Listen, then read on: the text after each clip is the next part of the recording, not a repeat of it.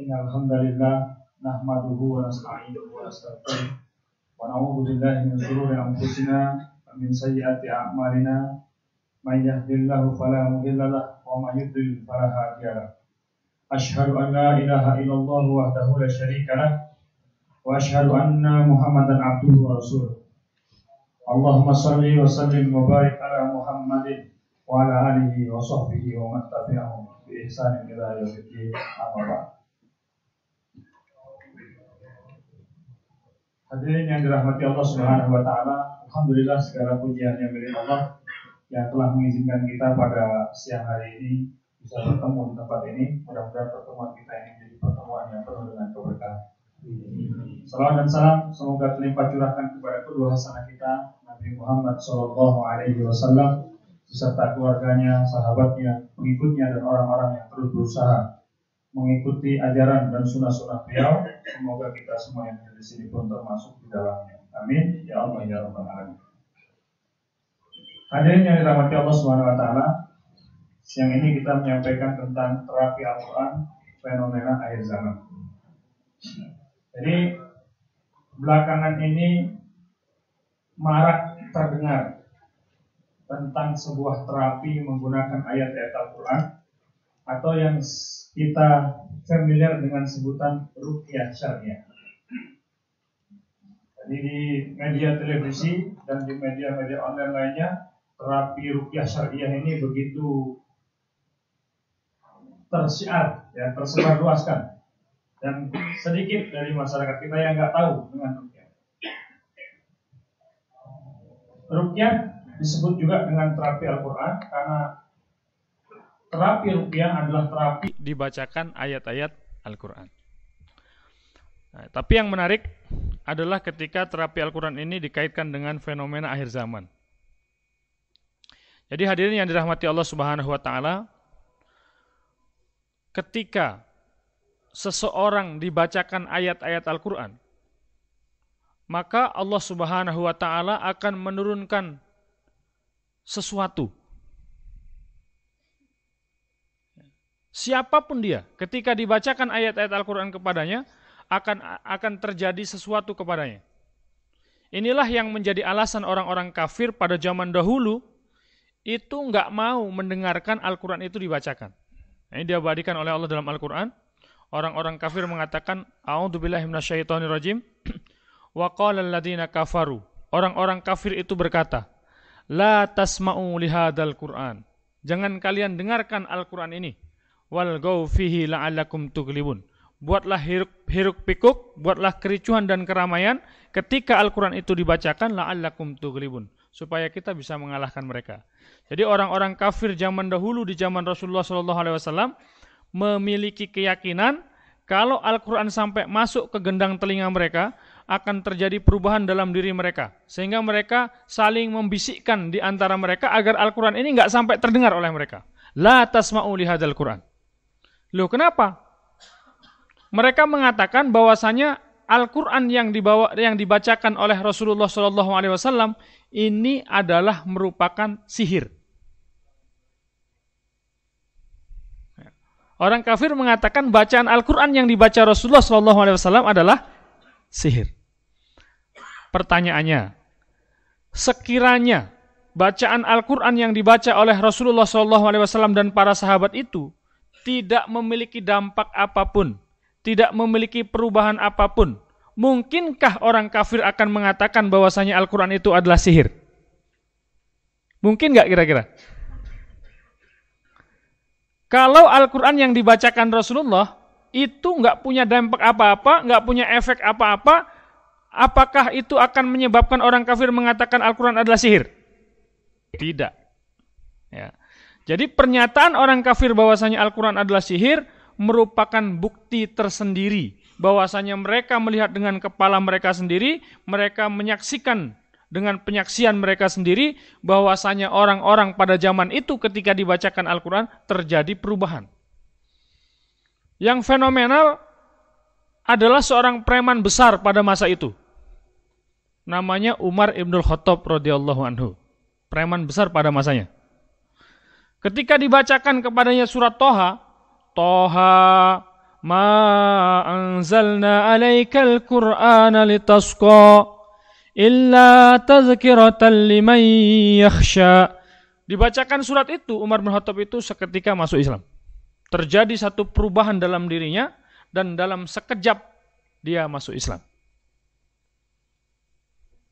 Ternyata Al-Quran ini ketika dibacakan memang Allah menjanjikan di balik Al-Quran itu ada satu keajaiban yang bisa diakses oleh manusia. Nah, kita bisa lihat itu di dalam surat Yunus ayat 57. Tapi sebelum itu kita saksikan dulu. Firman Allah Subhanahu wa taala dalam surat Ar-Ra'd ayat 31. Ini ada tampilannya, ada slide-nya. Tapi ada suaranya bisa keluar?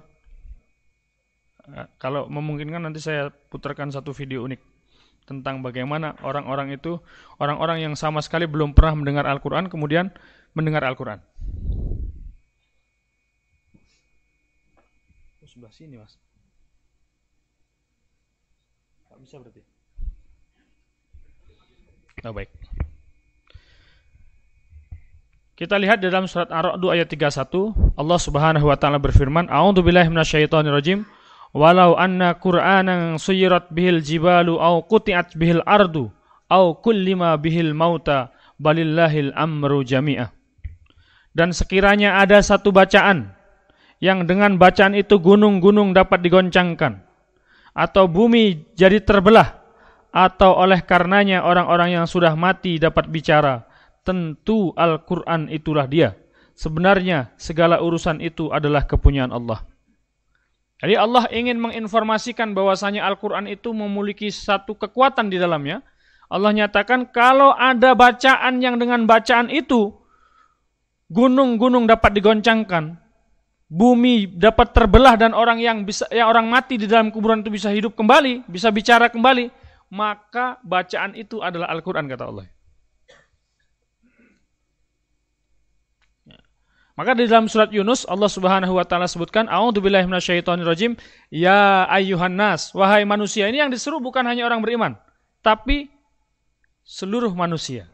Qad ja'atkum mau'izatum mir Sungguh telah datang mau'izah, pelajaran mir yang datangnya itu dari Rob kalian yang menciptakan kalian, yang mengadakan kalian, yang menghadirkan kalian di muka bumi ini. Wasyifa'u lima fis sudur dan menjadi sifat penyembuh bagi penyakit-penyakit yang sumbernya ada di dalam dada. Wahudan, yang kedua petunjuk. Warahmatan dan rahmat lil mukminin bagi orang-orang yang beriman. Jadi saudara-saudaraku yang dirahmati Allah Subhanahu wa taala, di ayat ini Allah Subhanahu wa taala memberikan informasi bahwasanya di dalam Al-Qur'an itu terdapat sifat penyembuh. Dari apa? Dari segala macam penyakit zohir maupun batin, fisik maupun metafisik, jasmani ataupun rohani, medis ataupun non medis. Insya Allah itu bisa disembuhkan dengan perantara Al-Quran. Maka Rasulullah SAW juga menyampaikan, Alaikum bisifain, gunakanlah olehmu dua penyembuh. Al-asal yang pertama Rasulullah menyebutkan madu wal Quran dan gunakan juga Al-Quran untuk menyembuhkan penyakit kalian. Bahkan Ibnu Qayyim Az-Zauziyah menyatakan, kalau Al-Quran tidak mampu menyembuhkan penyakit kalian, lalu obat mana lagi yang kalian bisa harapkan? Selama ini masyarakat kita karena menyaksikan di media orang yang dilakukan terapi dengan Al-Quran itu hanya orang-orang yang gangguan jin saja, mereka mengira bahwasanya terapi Al-Quran atau rukyah syariah ini hanya berfungsi untuk ngusir jin. Hanya berfungsi untuk ngusir setan, hanya berfungsi untuk mengusir orang-orang yang kena sihir. Tapi ternyata Al-Qur'anul Karim ini memiliki kekuatan di dalamnya yang bisa menghancurkan berbagai macam penyakit. Yang penyakit itu bukan hanya penyakit-penyakit yang bersifat metafisik, tapi penyakit-penyakit yang juga bersifat fisik. Maka dalam sebuah hadis sahih riwayat Imam Bukhari dan Muslim disampaikan, ada sahabat Nabi namanya Abu Sa'id Al-Khudri. Pernah suatu ketika dia mengobati kepala suku kampung yang kena sengatan kalajengking. Ya, dalam hadis riwayat Bukhari dan Muslim itu diceritakan Abu Sa'id Al-Khudri ini diundang untuk mengobati kepala suku kampung yang yang terkena sengatan kalajengking. Apa yang dilakukan oleh Abu Sa'id Al-Khudri? Yang dilakukan oleh sahabat Nabi Abu Sa'id Al-Khudri adalah beliau membacakan suratul Fatihah. Setelah dibacakan suratul Fatihah, Abu Sa'id Al-Khudri mengumpulkan air ludahnya. Dikumpulkan di mulutnya. Begitu sudah terkumpul, diludahkan di tempat bekas sengatan kala jengking itu. Kepala suku kampung yang tadi kulitnya sudah membiru, wajahnya sudah pucat terbaring di atas pembaringan seperti mau mati, setelah dibacakan Al-Fatihah dan diludahi oleh Abu Said Al-Hudri itu, dengan izin Allah Ta'ala, dia bangkit seperti tidak pernah sakit.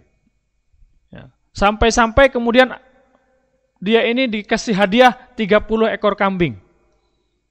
Dan dia mengatakan saya nggak akan makan kambing ini sebelum aku dapat fatwa dari Rasulullah apakah memakannya halal atau haram.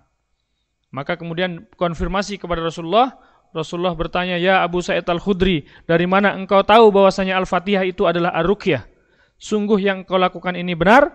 Kalau ada orang berhak untuk mendapatkan upah dari pekerjaannya, maka orang yang membacakan Al-Qur'an untuk orang lain itu lebih berhak untuk mendapatkan upahnya." Kata Rasulullah, "Aku minta bagian." Ya, Rasulullah meminta bagian dari upah yang diterima oleh Abu Sa'id Al-Khudri. Ya. Jadi di sini menguatkan pendapat kita bahwasanya terapi Al-Quran atau rukyah syariah bukan hanya untuk mengobati orang-orang yang kena gangguan jin saja. Tapi penyakit-penyakit yang bersifat fisik pun ternyata bisa disembuhkan dengan terapi Al-Quran. Ya itu kan zaman dulu, zaman sahabat, apakah di zaman kita Al-Quran yang kita baca ini juga masih bisa menjadi sebab datangnya kesembuhan bagi kita? Masih bisa nggak kira-kira? Masih bisa karena Al-Qur'annya sama. Dan Allah izinkan saya bisa keliling Indonesia, saya bertemu dengan berbagai macam orang yang sakit, baik medis maupun non medis. Saya telah membuktikan banyak orang-orang yang dengan izin Allah Subhanahu wa taala sembuh dengan perantara Al-Qur'an. Ada seorang ibu tetangga saya di Jakarta Barat, dia tiga bulan di atas pembaringan, difonis oleh dokter katanya kena liver akut. Dia bergerak saja sudah sakit, jangankan bangun dan berdiri nggak sanggup, terbaring berhari-hari. Kemudian saya datang, diajak apa namanya dipanggil oleh saudaranya. Begitu saya datang, saya tanya kepada ibu itu, "Bu, ibu masih berniat untuk sembuh enggak?" Ya, karena sembuh butuh butuh nih niat. Kata ibu itu masih. Baik. Kalau ibu berniat untuk sembuh, kapan ibu mau sembuh? Ibu mau sembuh hari ini? Kata dia mau, Pak Ustaz. Ya, saya minta kepada saudaranya ya air ya, air putih, kemudian saya bacakan suratul Fatihah. Sambil berdoa, ya Allah jadikan ini sebab kesembuhan untuk saudariku ini, jadikan Al-Quran yang kami bacakan ini menghilangkan seluruh penyakitnya. Ya. Saya bacakan, kemudian diminumkan kepada ibu itu, ibu minum niatkan untuk sembuh. Ya. Setelah diminum, ibu yang tadinya hanya terbaring di atas pembaringan nggak pernah bisa bangun, ya, jangankan bangun dia menggerakkan tubuhnya aja kesakitan. Hari itu dia bangun dia berdiri dan dia menyatakan sakitnya sudah terasa hilang Pak Ustadz. Nah, kesaksian itu saya videokan, saya unggah di Youtube. Judulnya Sembuh dengan Suratul Fatihah. Nah, ini keajaiban. Ada kisah yang lebih unik dan menarik. Saya pernah membaca sebuah berita tentang saudara-saudara kita di Palestina. Saudara-saudara kita di Palestina, ketika terjadi peperangan dengan orang-orang Yahudi, mereka itu sedang berada di dalam terowongan dilempar bom sama orang Yahudi. Boom. Huru hara pertempuran itu terjadi berhari-hari. Kaum muslimin di Palestina itu lupa kalau di dalam terowongan itu ada saudara mereka. Mereka sibuk masing-masing. Nah, ternyata kurang lebih sebulan kemudian mereka baru baru berkesempatan atau baru kepikiran bahwa di dalam terowongan itu ada saudara-saudara mereka di, digali, dibikin lubang lagi keluar. Ternyata di dalam itu masih hidup, padahal di dalamnya itu tanpa makanan dan minuman. Ketika dikonfirmasi oleh wartawan, apa yang apa namanya? Bagaimana Anda survive? Bagaimana Anda bertahan hidup di dalam terowongan itu? padahal di dalamnya tidak ada makanan dan minuman. Apa jawaban mereka? Mereka mengatakan, kami kalau lapar kami memurojaah hafalan Quran kami dan Allah hilangkan lapar kami. Kami kalau haus, kami saling setor Al-Quran dan Allah hilangkan haus kami. Allahu Akbar. Ya. Ini bukti bahwasanya Al-Quran adalah salah satu sebab Allah Subhanahu wa taala menolong seorang hamba. Ini yang pertama. Dan nanti Bapak-bapak yang hadir di sini teman-teman sekalian boleh coba Ya. Sakit, sentuhkan tangannya di bagian tubuh yang sakit, ya. Bacakan Al-Fatihah, ayat kursi, Al-Ikhlas, Al-Falaq, An-Nas, berdoa ya Allah, sembuhkan aku dengan Al-Qur'an. Ya. Usap-usapin, buang, usap-usapin, buang dan rasakan hilang penyakit itu. Ya, kami punya program roadshow keliling Indonesia.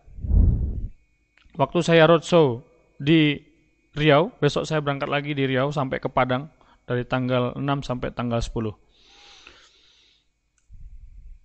Itu saya pernah nggak bisa berdiri karena pinggang saya tiba-tiba nggak tahu kenapa sakit saya berdiri nggak bisa. Saya diantarkan ke hotel, saya terapi dengan terapi Al-Quran. Ya, saya rukyah, saya tiup, saya usap, saya tiup, saya usap. Alhamdulillah dengan izin Allah itu hilang, tak berbekas. Itu. Ya, jadi luar biasa. Nanti teman-teman boleh datang berkunjung ke orang yang sakit, bacakan Al-Quran. Ya, saya kemarin pulang tadi malam ya, saya pulang dari Kalimantan di Kalimantan ada seorang bapak yang terbaring di atas pembaringannya sakit. Sakitnya itu sakit kepala. Ya. Jadi dia sakit kepalanya luar biasa. Saya datang, saya bacakan ayat-ayat Al-Quran, saya tiup-tiupkan di kepalanya. Saya baca, saya tiup. Saya baca, saya tiup. Kemudian saya tanya, bagaimana Pak rasanya? Dia mengatakan, kepala saya serasa ringan Pak Ustadz. Ya. Ini luar biasa. Bapak-bapak nggak akan percaya sampai bapak-bapak sekalian mencobanya. Jadi dicoba dulu baru nanti percaya. Jangan percaya dulu. Tapi ini informasi sebenarnya dari Allah Subhanahu wa taala. Allah nyatakan harusnya percaya dulu. Baru di dilakukan. Ya. Itu yang pertama. Al-Qur'an itu menjadi sebab syifa, menjadi sebab datangnya kesembuhan. Yang kedua, Allah Subhanahu wa taala nyatakan bahwasanya Al-Qur'an itu juga hudan, petunjuk. Ya, bagaimana Umar bin Khattab sang preman itu ketika dibacakan ayat-ayat Al-Quran dengan izin Allah Subhanahu wa taala Umar bin Khattab itu dalam sekejap masuk Islam. Kalau Bapak Bapak-bapak sekalian, teman-teman sekalian baca bagaimana sejarah masuk Islamnya apa namanya? Bagaimana Islam itu masuk ke Madinah. Itu sungguh menakjubkan. Madinah itu satu kota yang penduduknya itu belum muslim pada waktu itu. Ya, kemudian diutus seorang pemuda namanya Mus'ab bin Umair. Datang ke Yasrib, namanya Yasrib dulu. Apa yang dilakukan oleh Mus'ab bin Umair? Yang dilakukan oleh Mus'ab bin Umair, dia bertemu dengan pemimpin kaum itu. Setelah bertemu dengan pemimpin kaum itu, oleh Mus'ab bin Umair dibacakan surat Al-Hakumut Takasur Hatta zurtumul maqabir. Dibacakan surat itu. Begitu selesai dia membacakan surat itu, pemimpin kaum Yasrib itu mengatakan, Laisa haza kalimatul bashar. Ini bukan ucapan manusia. Singkat ceritanya, dia masuk Islam diikuti oleh seluruh penduduk Yasrib dan itulah kemudian Rasulullah itu hijrah ke Madinah. Jadi sebelum hijrah ke Madinah, Rasulullah itu mengutus Mus'ab bin Umair untuk mengislamkan Yasrib. Ternyata dakwahnya para sahabat itu membacakan ayat-ayat Al-Quran. Nah, jadi para sahabat itu kalau dakwah ngumpulin orang kemudian dibacakan Quran. Jadi kayak model rukyah masal itu di zaman Nabi udah ada. Nah, ada sahabat Nabi namanya Abdullah bin Mas'ud radhiyallahu anhu itu mengumpulkan orang di depan Ka'bah dikumpulkan, kemudian setelah dikumpulkan dia bacakan surat Ar-Rahman. Ya, selesai dibacakan itu dia bengep-bengep karena dipukuli oleh orang-orang kafir. Nah, itu menunjukkan bahwasanya apa namanya membacakan Al-Qur'an kepada orang-orang secara massal itu sudah menjadi satu kebiasaan di zaman itu, ya. Tapi pada waktu itu memang tujuannya bukan sekedar ngusir setan, bukan hanya sekedar untuk rukyah seperti yang difahami oleh sebagian besar orang pada zaman ini, tetapi lebih daripada itu mengundang hidayah Allah Subhanahu wa taala. Makanya Bapak Ibu sekalian, Ya. Bahkan Al-Quran ini dibacakan kepada orang yang nggak normal itu jadi normal. Kami punya pondok rehabilitasi jiwa dan narkoba di Rokan Hulu Riau, Pekanbaru. Jadi kalau ada yang teman-teman berasal dari wilayah sana bisa silaturahim ke tempat kami. Ya. Ini unik. Awalnya orang-orang gila itu dikumpulkan, orang-orang yang ada di pinggir jalan itu, yang luyur itu, itu di diambil sama kawan-kawan, ya. Kita uji coba, kita bacakan ayat-ayat Al-Qur'an. Karena ada riwayat yang menceritakan sahabat Nabi membacakan Al-Fatihah kepada seorang yang tangan dan kakinya diikat dengan rantai besi karena kena gangguan jiwa, oleh sahabat ini dibacakan Al-Fatihah pagi pagi sore pagi sore. Di hari ketiga orang ini sembuh. Nah, mendengar dan berita-berita itu kami pengen coba. Kami coba, kami kumpulkan orang-orang gila itu, ya, dibawa, pakai apa namanya? E, motor becak itu kita mandikan, kita potong kukunya, dibacakan ayat-ayat Al-Quran. Subhanallah, dengan izin Allah subhanahu wa ta'ala mereka sembuh. Dan sekarang ada kurang lebih 100 orang yang kami asuh di sana. Bahkan orang-orang dari luar kota pun banyak menitipkan saudara-saudaranya di tempat kami. Ya, kami sangat punya impian ada satu tempat yang bisa kita jadikan tempat untuk pusat rehabilitasi jiwa Qurani yang bisa diakses dari Jakarta di dari Jakarta nggak jauh maksudnya gitu. Karena kebutuhan di sini lebih tinggi saya lihat. Gitu. Ya. Jadi kalau teman-teman punya link-link yang bisa ngelingkan kami kepada para donatur yang bisa memfasilitasi rencana mulia itu, teman-teman bisa menghubungi kami nanti.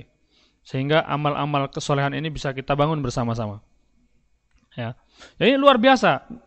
Ketika kita sudah sekali melakukan itu, setiap ketemu orang gila, pikirannya gini, Pak ini kayaknya orang ini bisa nih sembuh gitu. Ya, jadi belajar terapi Quran atau belajar rukyah syariah ini sama seperti orang belajar silat. Kalau orang belajar silat ketemu orang ngukur-ngukur, saya kayaknya kalau berantem sama orang ini menang saya. Kan gitu. Ya kan? Kalau kita belajar rukyah kita mikirnya gini, kayaknya orang ini bisa saya bacakan Quran nih. Bisa berubah orang ini gitu. Ketemu preman ini bisa nih bacakan Quran. Gitu. Berubah coba dah. Ya. Coba. Karena Al-Quran itu selain dia menjadi syifa, dia juga menjadi hidayah. Dan itu sudah saya buktikan ada juga preman di, di Aceh. Ketika itu saya diundang ya ke Aceh. Kami buat terapi Quran di Aceh. Ada seorang preman masuk masuk tayangan Trans waktu itu. Dia bersikap aniaya ke orang tuanya, nggak mau sholat, nggak pokoknya meresahkan tetangga dan sebagainya. Ya. Singkat cerita bertemu dengan saya, saya bacakan ayat-ayat Al-Quran dia mengalami satu perubahan yang teramat sangat luar biasa dan dia mengatakan Ustadz kalau bisa ajak saya ke Jakarta karena kalau saya tetap di sini saya khawatir saya kembali lagi ke jahiliyah katanya. Kenapa? Karena di sini banyak teman-teman saya yang seperti itu. Saya takutnya nggak sabar katanya. Tapi dia sudah mengalami satu perubahan.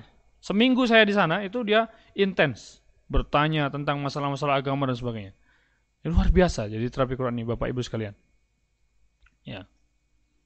Yang ketiga baru Al-Quran itu menjadi rahmat bagi alam semesta. Ya. Ini sampai jam berapa?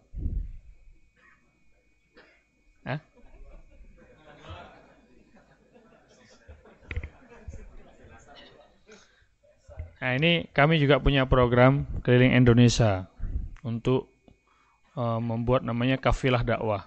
Ya, kemarin kami keliling di Kalimantan Timur dari Balikpapan sampai ke Samarinda terus sampai ke pelosok apa lupa saya namanya itu luar biasa teman-teman sekalian jadi di daerah-daerah itu ternyata masih banyak orang-orang yang menyembah jin ya di daerah-daerah itu masih banyak orang masang-masang secaji di bawah pohon membuang makanan-makanan dihanyutkan ke sungai. Ya, di, masih banyak yang seperti itu. Dan alhamdulillah sangat tercerahkan dan mereka apa namanya rujuk ilal hak kembali kepada kebenaran setelah kita adakan roadshow dari kampung ke kampung. Jadi dakwah dengan membacakan ayat-ayat Al-Quran kepada umat manusia ini adalah dakwah yang dibangun oleh Rasulullah SAW. Rasulullah SAW dakwahnya membacakan ayat-ayat Al-Quran. Kita bisa lihat di dalam surat Al-Jumu'ah ayat 2 misalnya. Allah nyatakan, A'udzubillahi minasyaitonirrajim. Huwallazi ba'asa fil ummiyina rasulan minhum yatlu alaihim ayatihi wa yuzakkihim wa yu'allimuhumul kitaba wal hikmah wa in kanu min qablu lafi dhalalim mubin.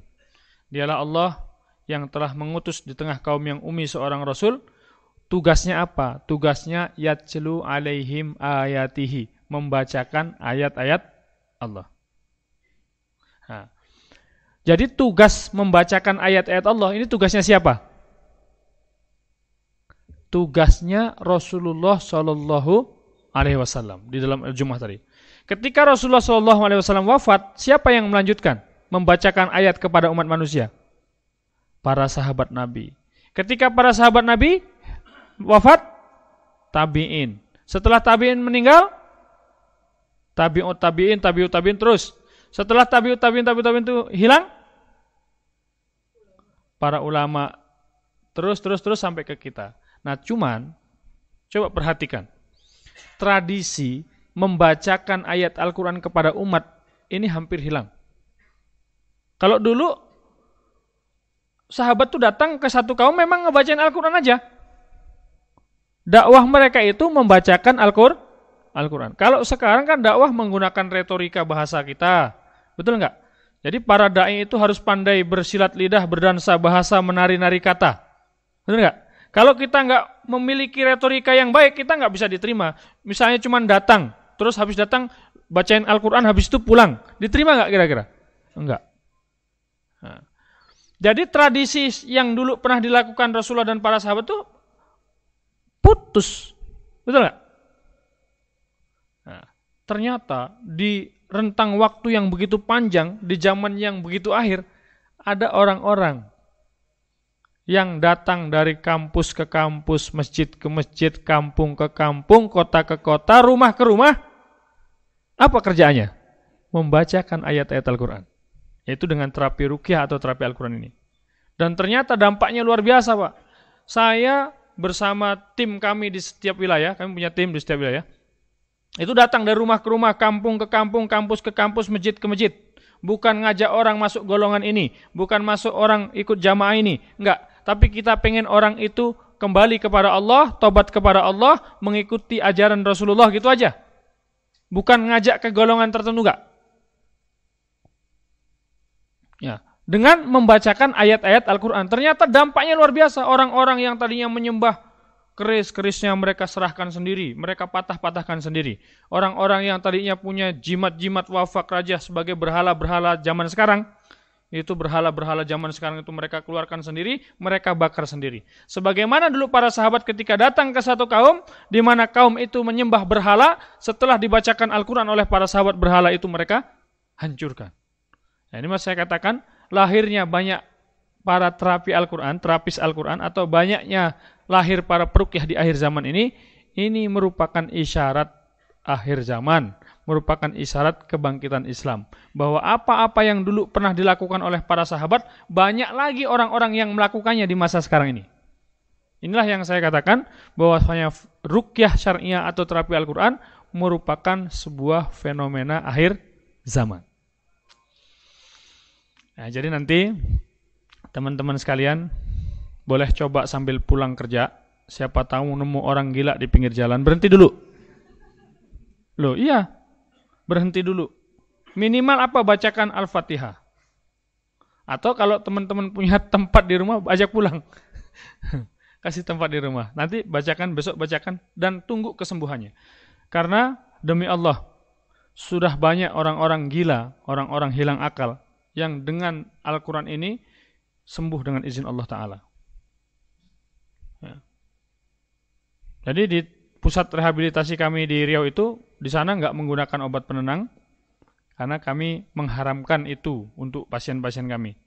Ya, terus obat penenangnya apa? Obat penenangnya obat penenang herbal.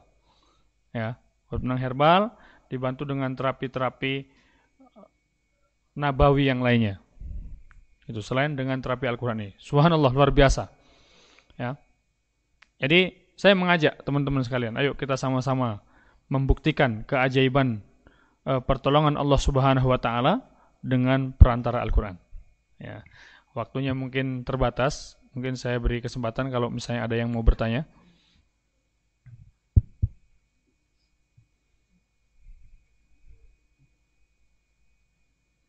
Silakan.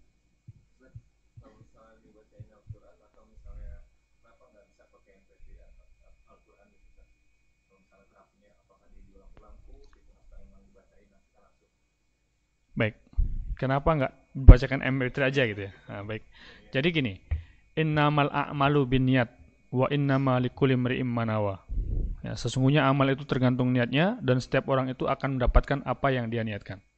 Maka ini menarik, setiap tablik akbar, pengajian-pengajian besar itu biasa dibuka dengan tilawah Quran.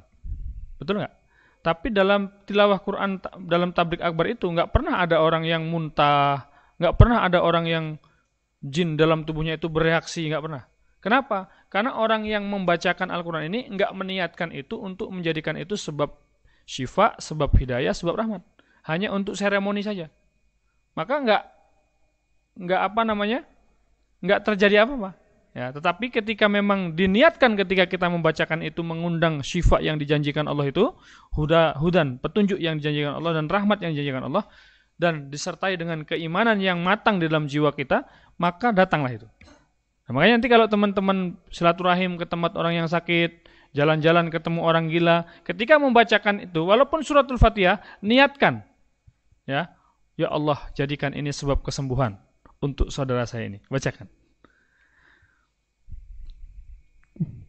Baik, uh, mungkin karena waktu telah menunjukkan pukul 13, kita tutup secara resmi dulu. Jika ada pertanyaan mungkin bisa Oh gitu, langsung, baik. Ya. Nah, baik. Kita tutup secara resmi. Kita tutup dengan kafratul majlis. Subhanakallahumma wa bihamdihi subhanakallahumma wa bihamdika asyhadu alla ilaha illa anta astaghfiruka wa atubu ilaik. Assalamualaikum warahmatullahi wabarakatuh.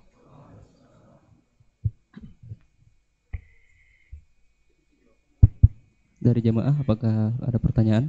Oh, iya. Boleh, boleh.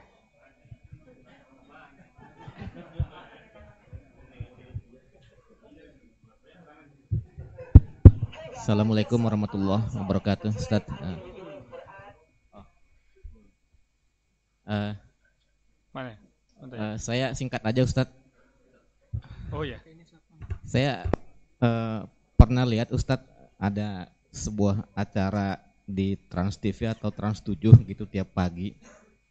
Itu seperti meru'yah gitu Ustaz. Saya lupa namanya Ustaz siapa tapi beliau menggunakan ya bahasa Indonesia aja. Berdoa kepada Allah tetapi targetnya itu sampai meronta-ronta muntah terus eh, kadang ada yang pingsan. Itu menurut Ustadz gimana ya? Itu valid atau enggak ya Ustadz? Makasih Ustadz. Keren pertanyaan ini sebenarnya merukyah itu tiga syaratnya yang pertama menggunakan ayat-ayat Al-Quran doa-doa yang maksur yang bersumber dari Rasulullah SAW, menggunakan doa-doa yang tidak bercampur dengan kalimat-kalimat batil dengan menggunakan bahasa Arab atau non-Arab. Itu yang pertama. Yang kedua, meyakini bahwa bukan rukyahnya yang menyembuhkan, tapi Allah Subhanahu wa taala yang menyembuhkan melalui perantara rukyah. Yang ketiga, tidak menggunakan syarat-syarat tertentu ya yang syarat-syarat itu tidak disyaratkan oleh Allah dan Rasulnya. Kayak gitu. Nah,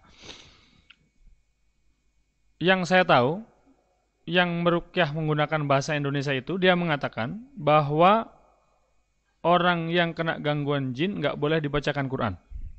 Karena kalau dibacakan Quran, nanti jinnya malah terikat di dalam tubuh. Nah, ini jelas pernyataan ini, pernyataan batil, pernyataan yang bertentangan dengan kaidah rukyah syariah. Karena rukyah syariah itu justru dibacakan Al-Qur'an. Dengan dibacakan Al-Qur'an inilah kemudian Allah Subhanahu wa taala akan jadi sebab akan menurunkan kesembuhan. Ya. Kalimat kita, kata-kata kita itu terlalu lemah untuk bisa mendatangkan pertolongan, untuk bisa mengubah orang, untuk bisa mendatangkan hidayah, untuk bisa jadi sebab kesembuhan. Tapi kalau kalamullah ya, itu memang Allah janjikan bahwa di dalamnya itu mengandung sebab kesembuhan. sebab hidayah, sebab rahmat. Jadi seperti itu, ya. Itu Mas ya? Ya.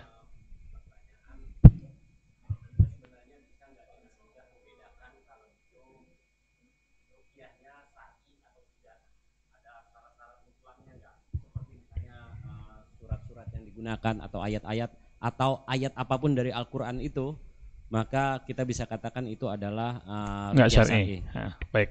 Per, itu pertama. Oh, satu Kedua, pertama, eh, baik. uh, boleh nggak merukyah selain manusia? Dalam hal ini misalnya binatang, Oh iya. karena alasan apa pun itu. Terima kasih Ustadz.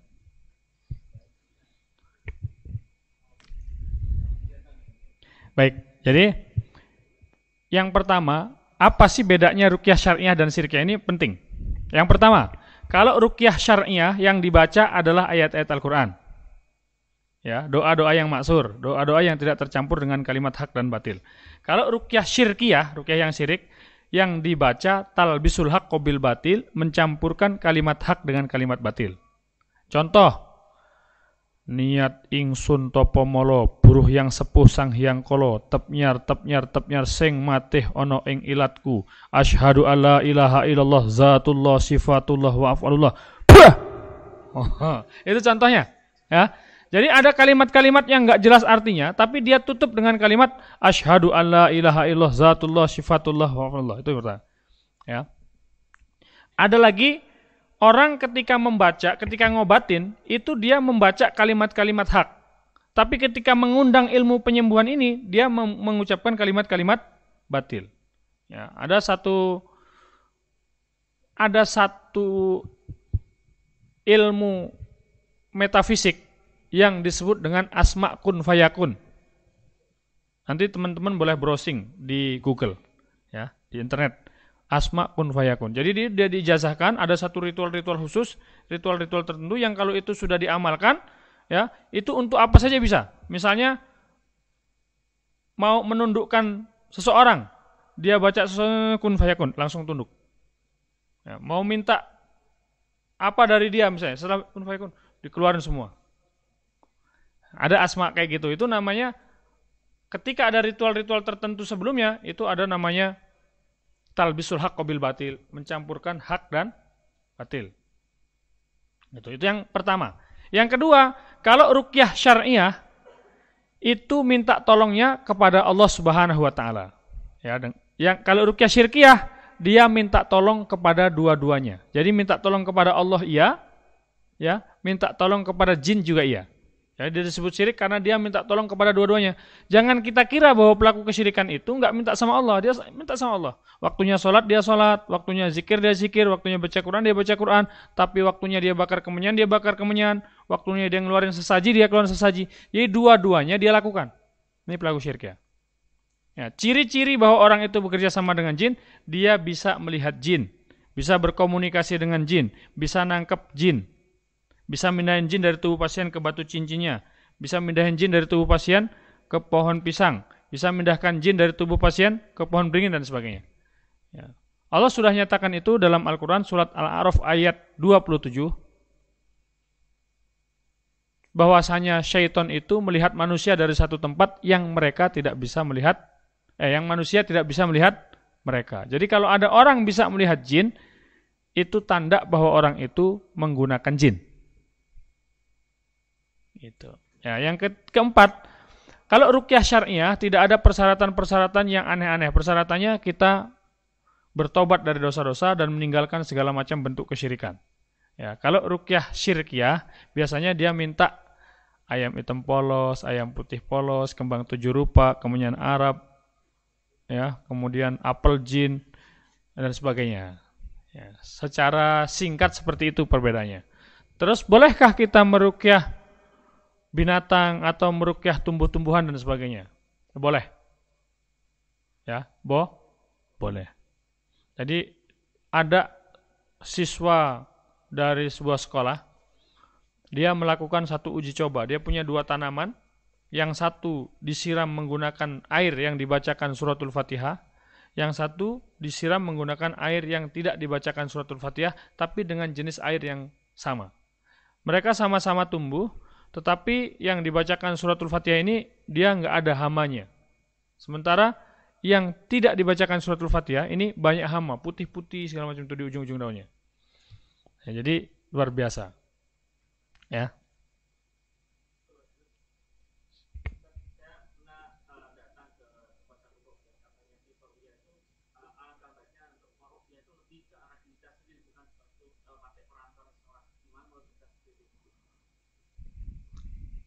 Rukyah menggunakan perantara itu dua pengertian.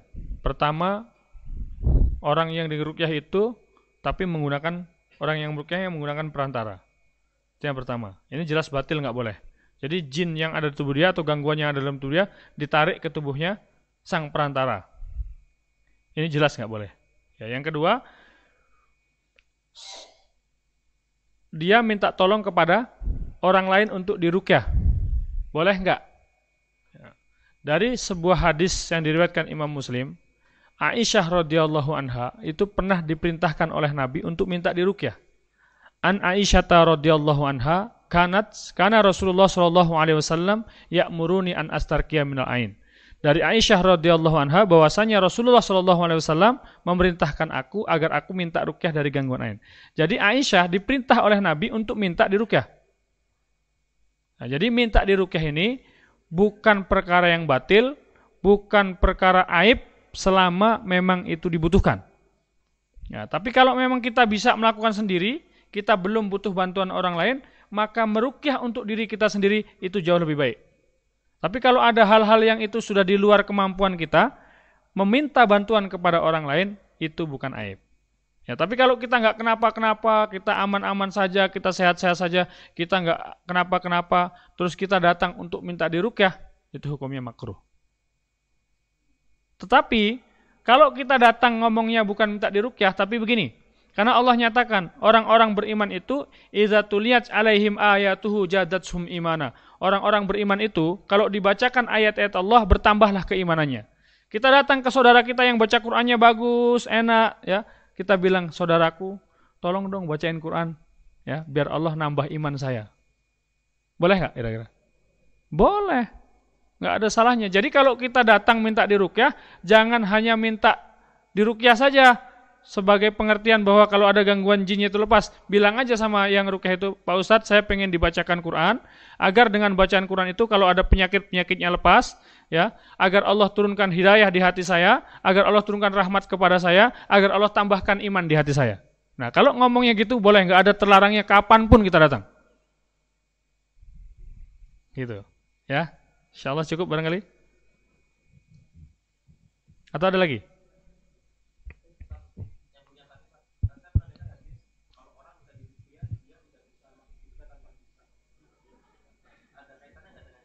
Baik. Jadi meminta rukyah yang bisa menjadi sebab dia nggak bisa masuk surga itu adalah rukyah yang syirkiyah. Rukyah yang mengandung unsur syirik. Karena Rasulullah tidak melarang rukyah yang di dalamnya tidak mengandung unsur syirik. Atau kita nggak butuh rukyah sebenarnya, tapi kita minta dirukyah. Gitu. Tetapi kalau minta dirukyah dalam pengertian yang tadi saya sebutkan yang kedua, kita pengen ditambahkan hidayah, kita pengen ditambahkan iman, kita pengen diturunkan rahmat, enggak masalah. Itu seperti itu. Ya, karena kalau misalnya meminta rukyah itu bisa menjadi sebab rukyah yang syar'i itu bisa menjadi sebab orang itu tidak digolongkan dalam 70 golongan orang yang masuk surga tanpa hisab. Masa iya Rasulullah memerintahkan Aisyah kan gitu? Seperti itu Mas ya. Ada lagi? Boleh.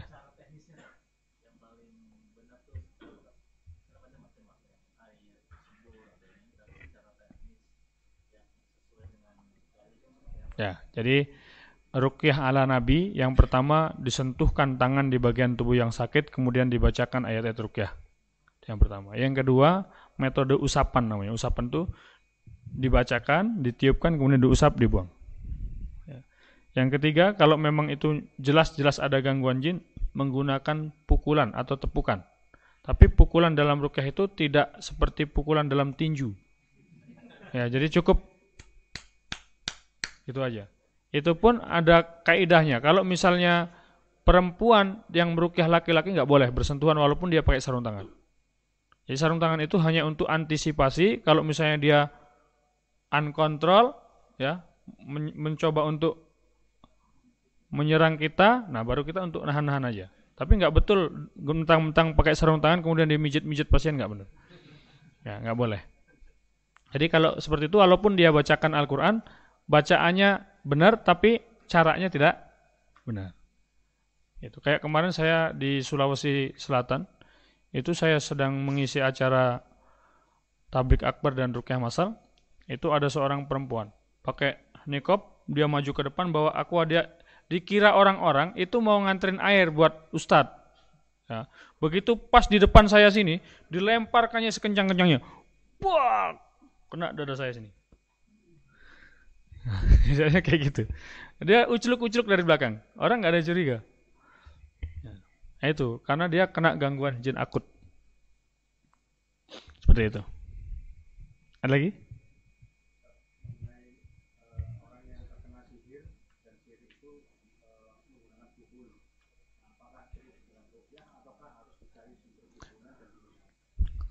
Setiap sihir itu selalu dikirim menggunakan buhul. Nah, maka sebisa mungkin kita mencari buhulnya. Ya, tapi kita perlu tahu bahwa buhul itu ada buhul zohir, ada buhul goib. Ya, kalau bapak-bapak pernah mendengar dulu ada namanya Reiki, ya satu perguruan yang dia buhulnya itu menggunakan buhul goib. Jadi kalau misalnya atau misalnya ini pengakuan teman saya yang pernah belajar ilmu sihir apa fudu apa betul? Fudu ya. Itu dia langsung datang ke Afrika untuk belajar ilmu itu. Jadi kalau dia nyantet orang itu nggak kayak kita nyiapin bekas baju pasien segala macam. Dia lihat aja orangnya, kemudian ditusuk dari jauh.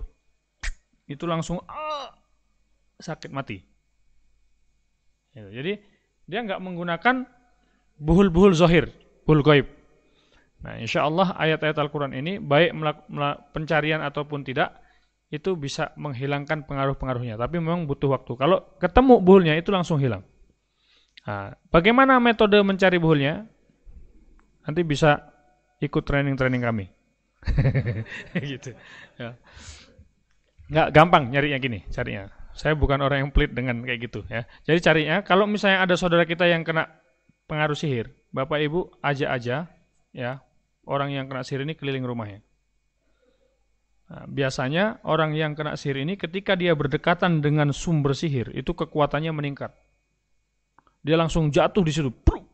Nah, kemarin saya di Kalimantan juga ada seorang pengusaha seafood yang dia itu nggak mau meninggali rumahnya karena setiap masuk ke rumah selalu berantem bertengkar tapi kalau di luar nggak nyaman-nyaman aja biasa-biasa saja nah, dia sudah apa pun dia lakukan nggak nggak pernah ada perubahan saya diundang, saya datang kemarin di Kalimantan. Saya datang ke rumahnya, saya ajak dia keliling. Ada empat titik di mana ibu itu kakinya ngunci, nggak bisa jalan lagi.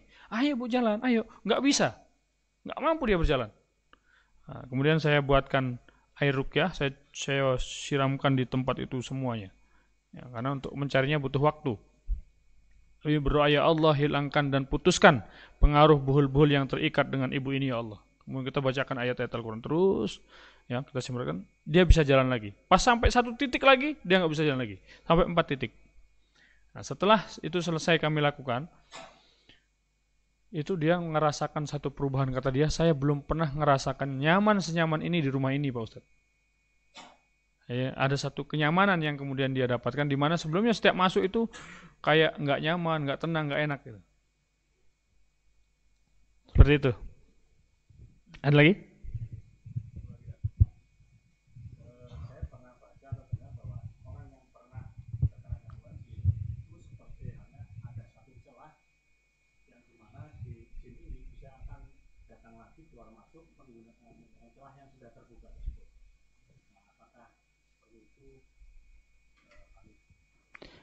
Betul Pak. Jadi gini, ada rukyah yang tadi saya sebutkan dia menggunakan mediator. Nah biasanya para mediator ini, ini adalah mantan-mantan pasien yang sebelumnya di dalam tubuhnya itu ada gangguan jin. Nah orang-orang yang pernah ada gangguan jin di dalam tubuhnya ini bisa dijadikan mediator oleh para dukun. Ya. Misalnya gini, ada orang sakit di sana, nggak bisa datang, ditariklah jin yang di sana itu ke dalam tubuh mediator nih. Oh, baca apa-apa segala macam, datangkan jin itu ke dalam tubuh, nanti oh masuk itu. Tapi itu bisa jadi tipu daya, ya bisa jadi itu tipu daya, maka nggak boleh dilakukan. Jadi ini juga menjadi apa namanya bukti-bukti bahwa orang-orang yang pernah kerasukan jin di dalam tubuhnya itu dikenali oleh bangsa jin tubuh itu. Karena jin itu memiliki kemampuan seperti anjing. Anjing pelacak. Jadi kalau satu tempat ini pernah dia masuk, dia kecium. Oh ini ada jejak. Nah, makanya bagaimana cara menghilangkan jejak-jejak syaitan itu? Yang pertama tentu meninggalkan semua perbuatan dosa, ya bertobat kepada Allah terus menerus karena dengan amal soleh itu Allah berikan nur, berikan cahaya di dalam tubuh kita yang membuat setan itu terhijab. Ya. Kalau terapi zohirnya bisa menggunakan mandi pakai air hujan, ya itu ada di dalam surat Al-Anfal ayat 11. Atau bisa juga mandi menggunakan daun bidara. Ya, daun bidara itu sebenarnya bukan untuk terapi, tapi untuk setelah terapi.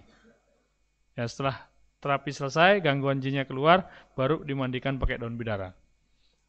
Gitu. Seperti itu Pak ya. Cukup mungkin. Ini ada pertanyaan terakhir Ustaz dari online. Ini bacakan terkait Quran healing ini, apakah ada di daerah tertentu saja atau sudah menyebar di area Jabodetabek? Terus yang terakhir, kalau misalnya ingin mengikuti terapi dari Ustadz, bagaimana caranya dan di mana? Baik, jadi Quranic Healing International ya, bukan ini sebuah organisasi yang kami buat ini sudah punya di setiap wilayah di Indonesia sudah ada. Ya, sudah ada kepengurusan di setiap wilayah di Indonesia, bahkan sudah ada di luar negeri. Ada di Arab Saudi itu sudah ada Quranic Healing International. Ada tim kami di sana. Terus kemudian di Malaysia itu sudah ada, ya. Di Thailand itu sudah ada, di Singapura itu sudah ada. Itu tim kami Quranic Healing International. Ya, di Jakarta juga sudah ada. Ya, di Jakarta saya sendiri di Jakarta. Saya tinggal di Kalideres. Ya. Seperti itu. Jadi teman-teman nanti bisa datang ke markas kami di Jalan Sukatani 6, Blok A7, nomor 5B, RT 01, RW 07, Kelurahan Tegal Alur, Kalideres, Jakarta Barat. Itu markas kami di sana. Dan kalau teman-teman punya link-link yang bisa apa namanya menghubungkan dengan donatur-donatur yang bisa mewujudkan mimpi kita yaitu menghadirkan satu pusat rehabilitasi jiwa Qurani itu nanti juga bisa dihubungkan dengan kami ya. atau misalnya dari teman-teman majelis taklim XL itu mau kita juga ada program namanya kafilah dakwah nih seperti yang digambar tadi yaitu kami bikin armada-armada mobil-mobil untuk roadshow keliling-keliling ke pelosok-pelosok ya melakukan dakwah gratis dari masjid ke masjid, kampung ke kampung. Ya, mungkin itu saja ya. Baik, mungkin cukup. Mudah-mudahan ini ada manfaatnya buat kita semuanya. Wabillahi taufiq wal hidayah. Assalamualaikum warahmatullahi wabarakatuh.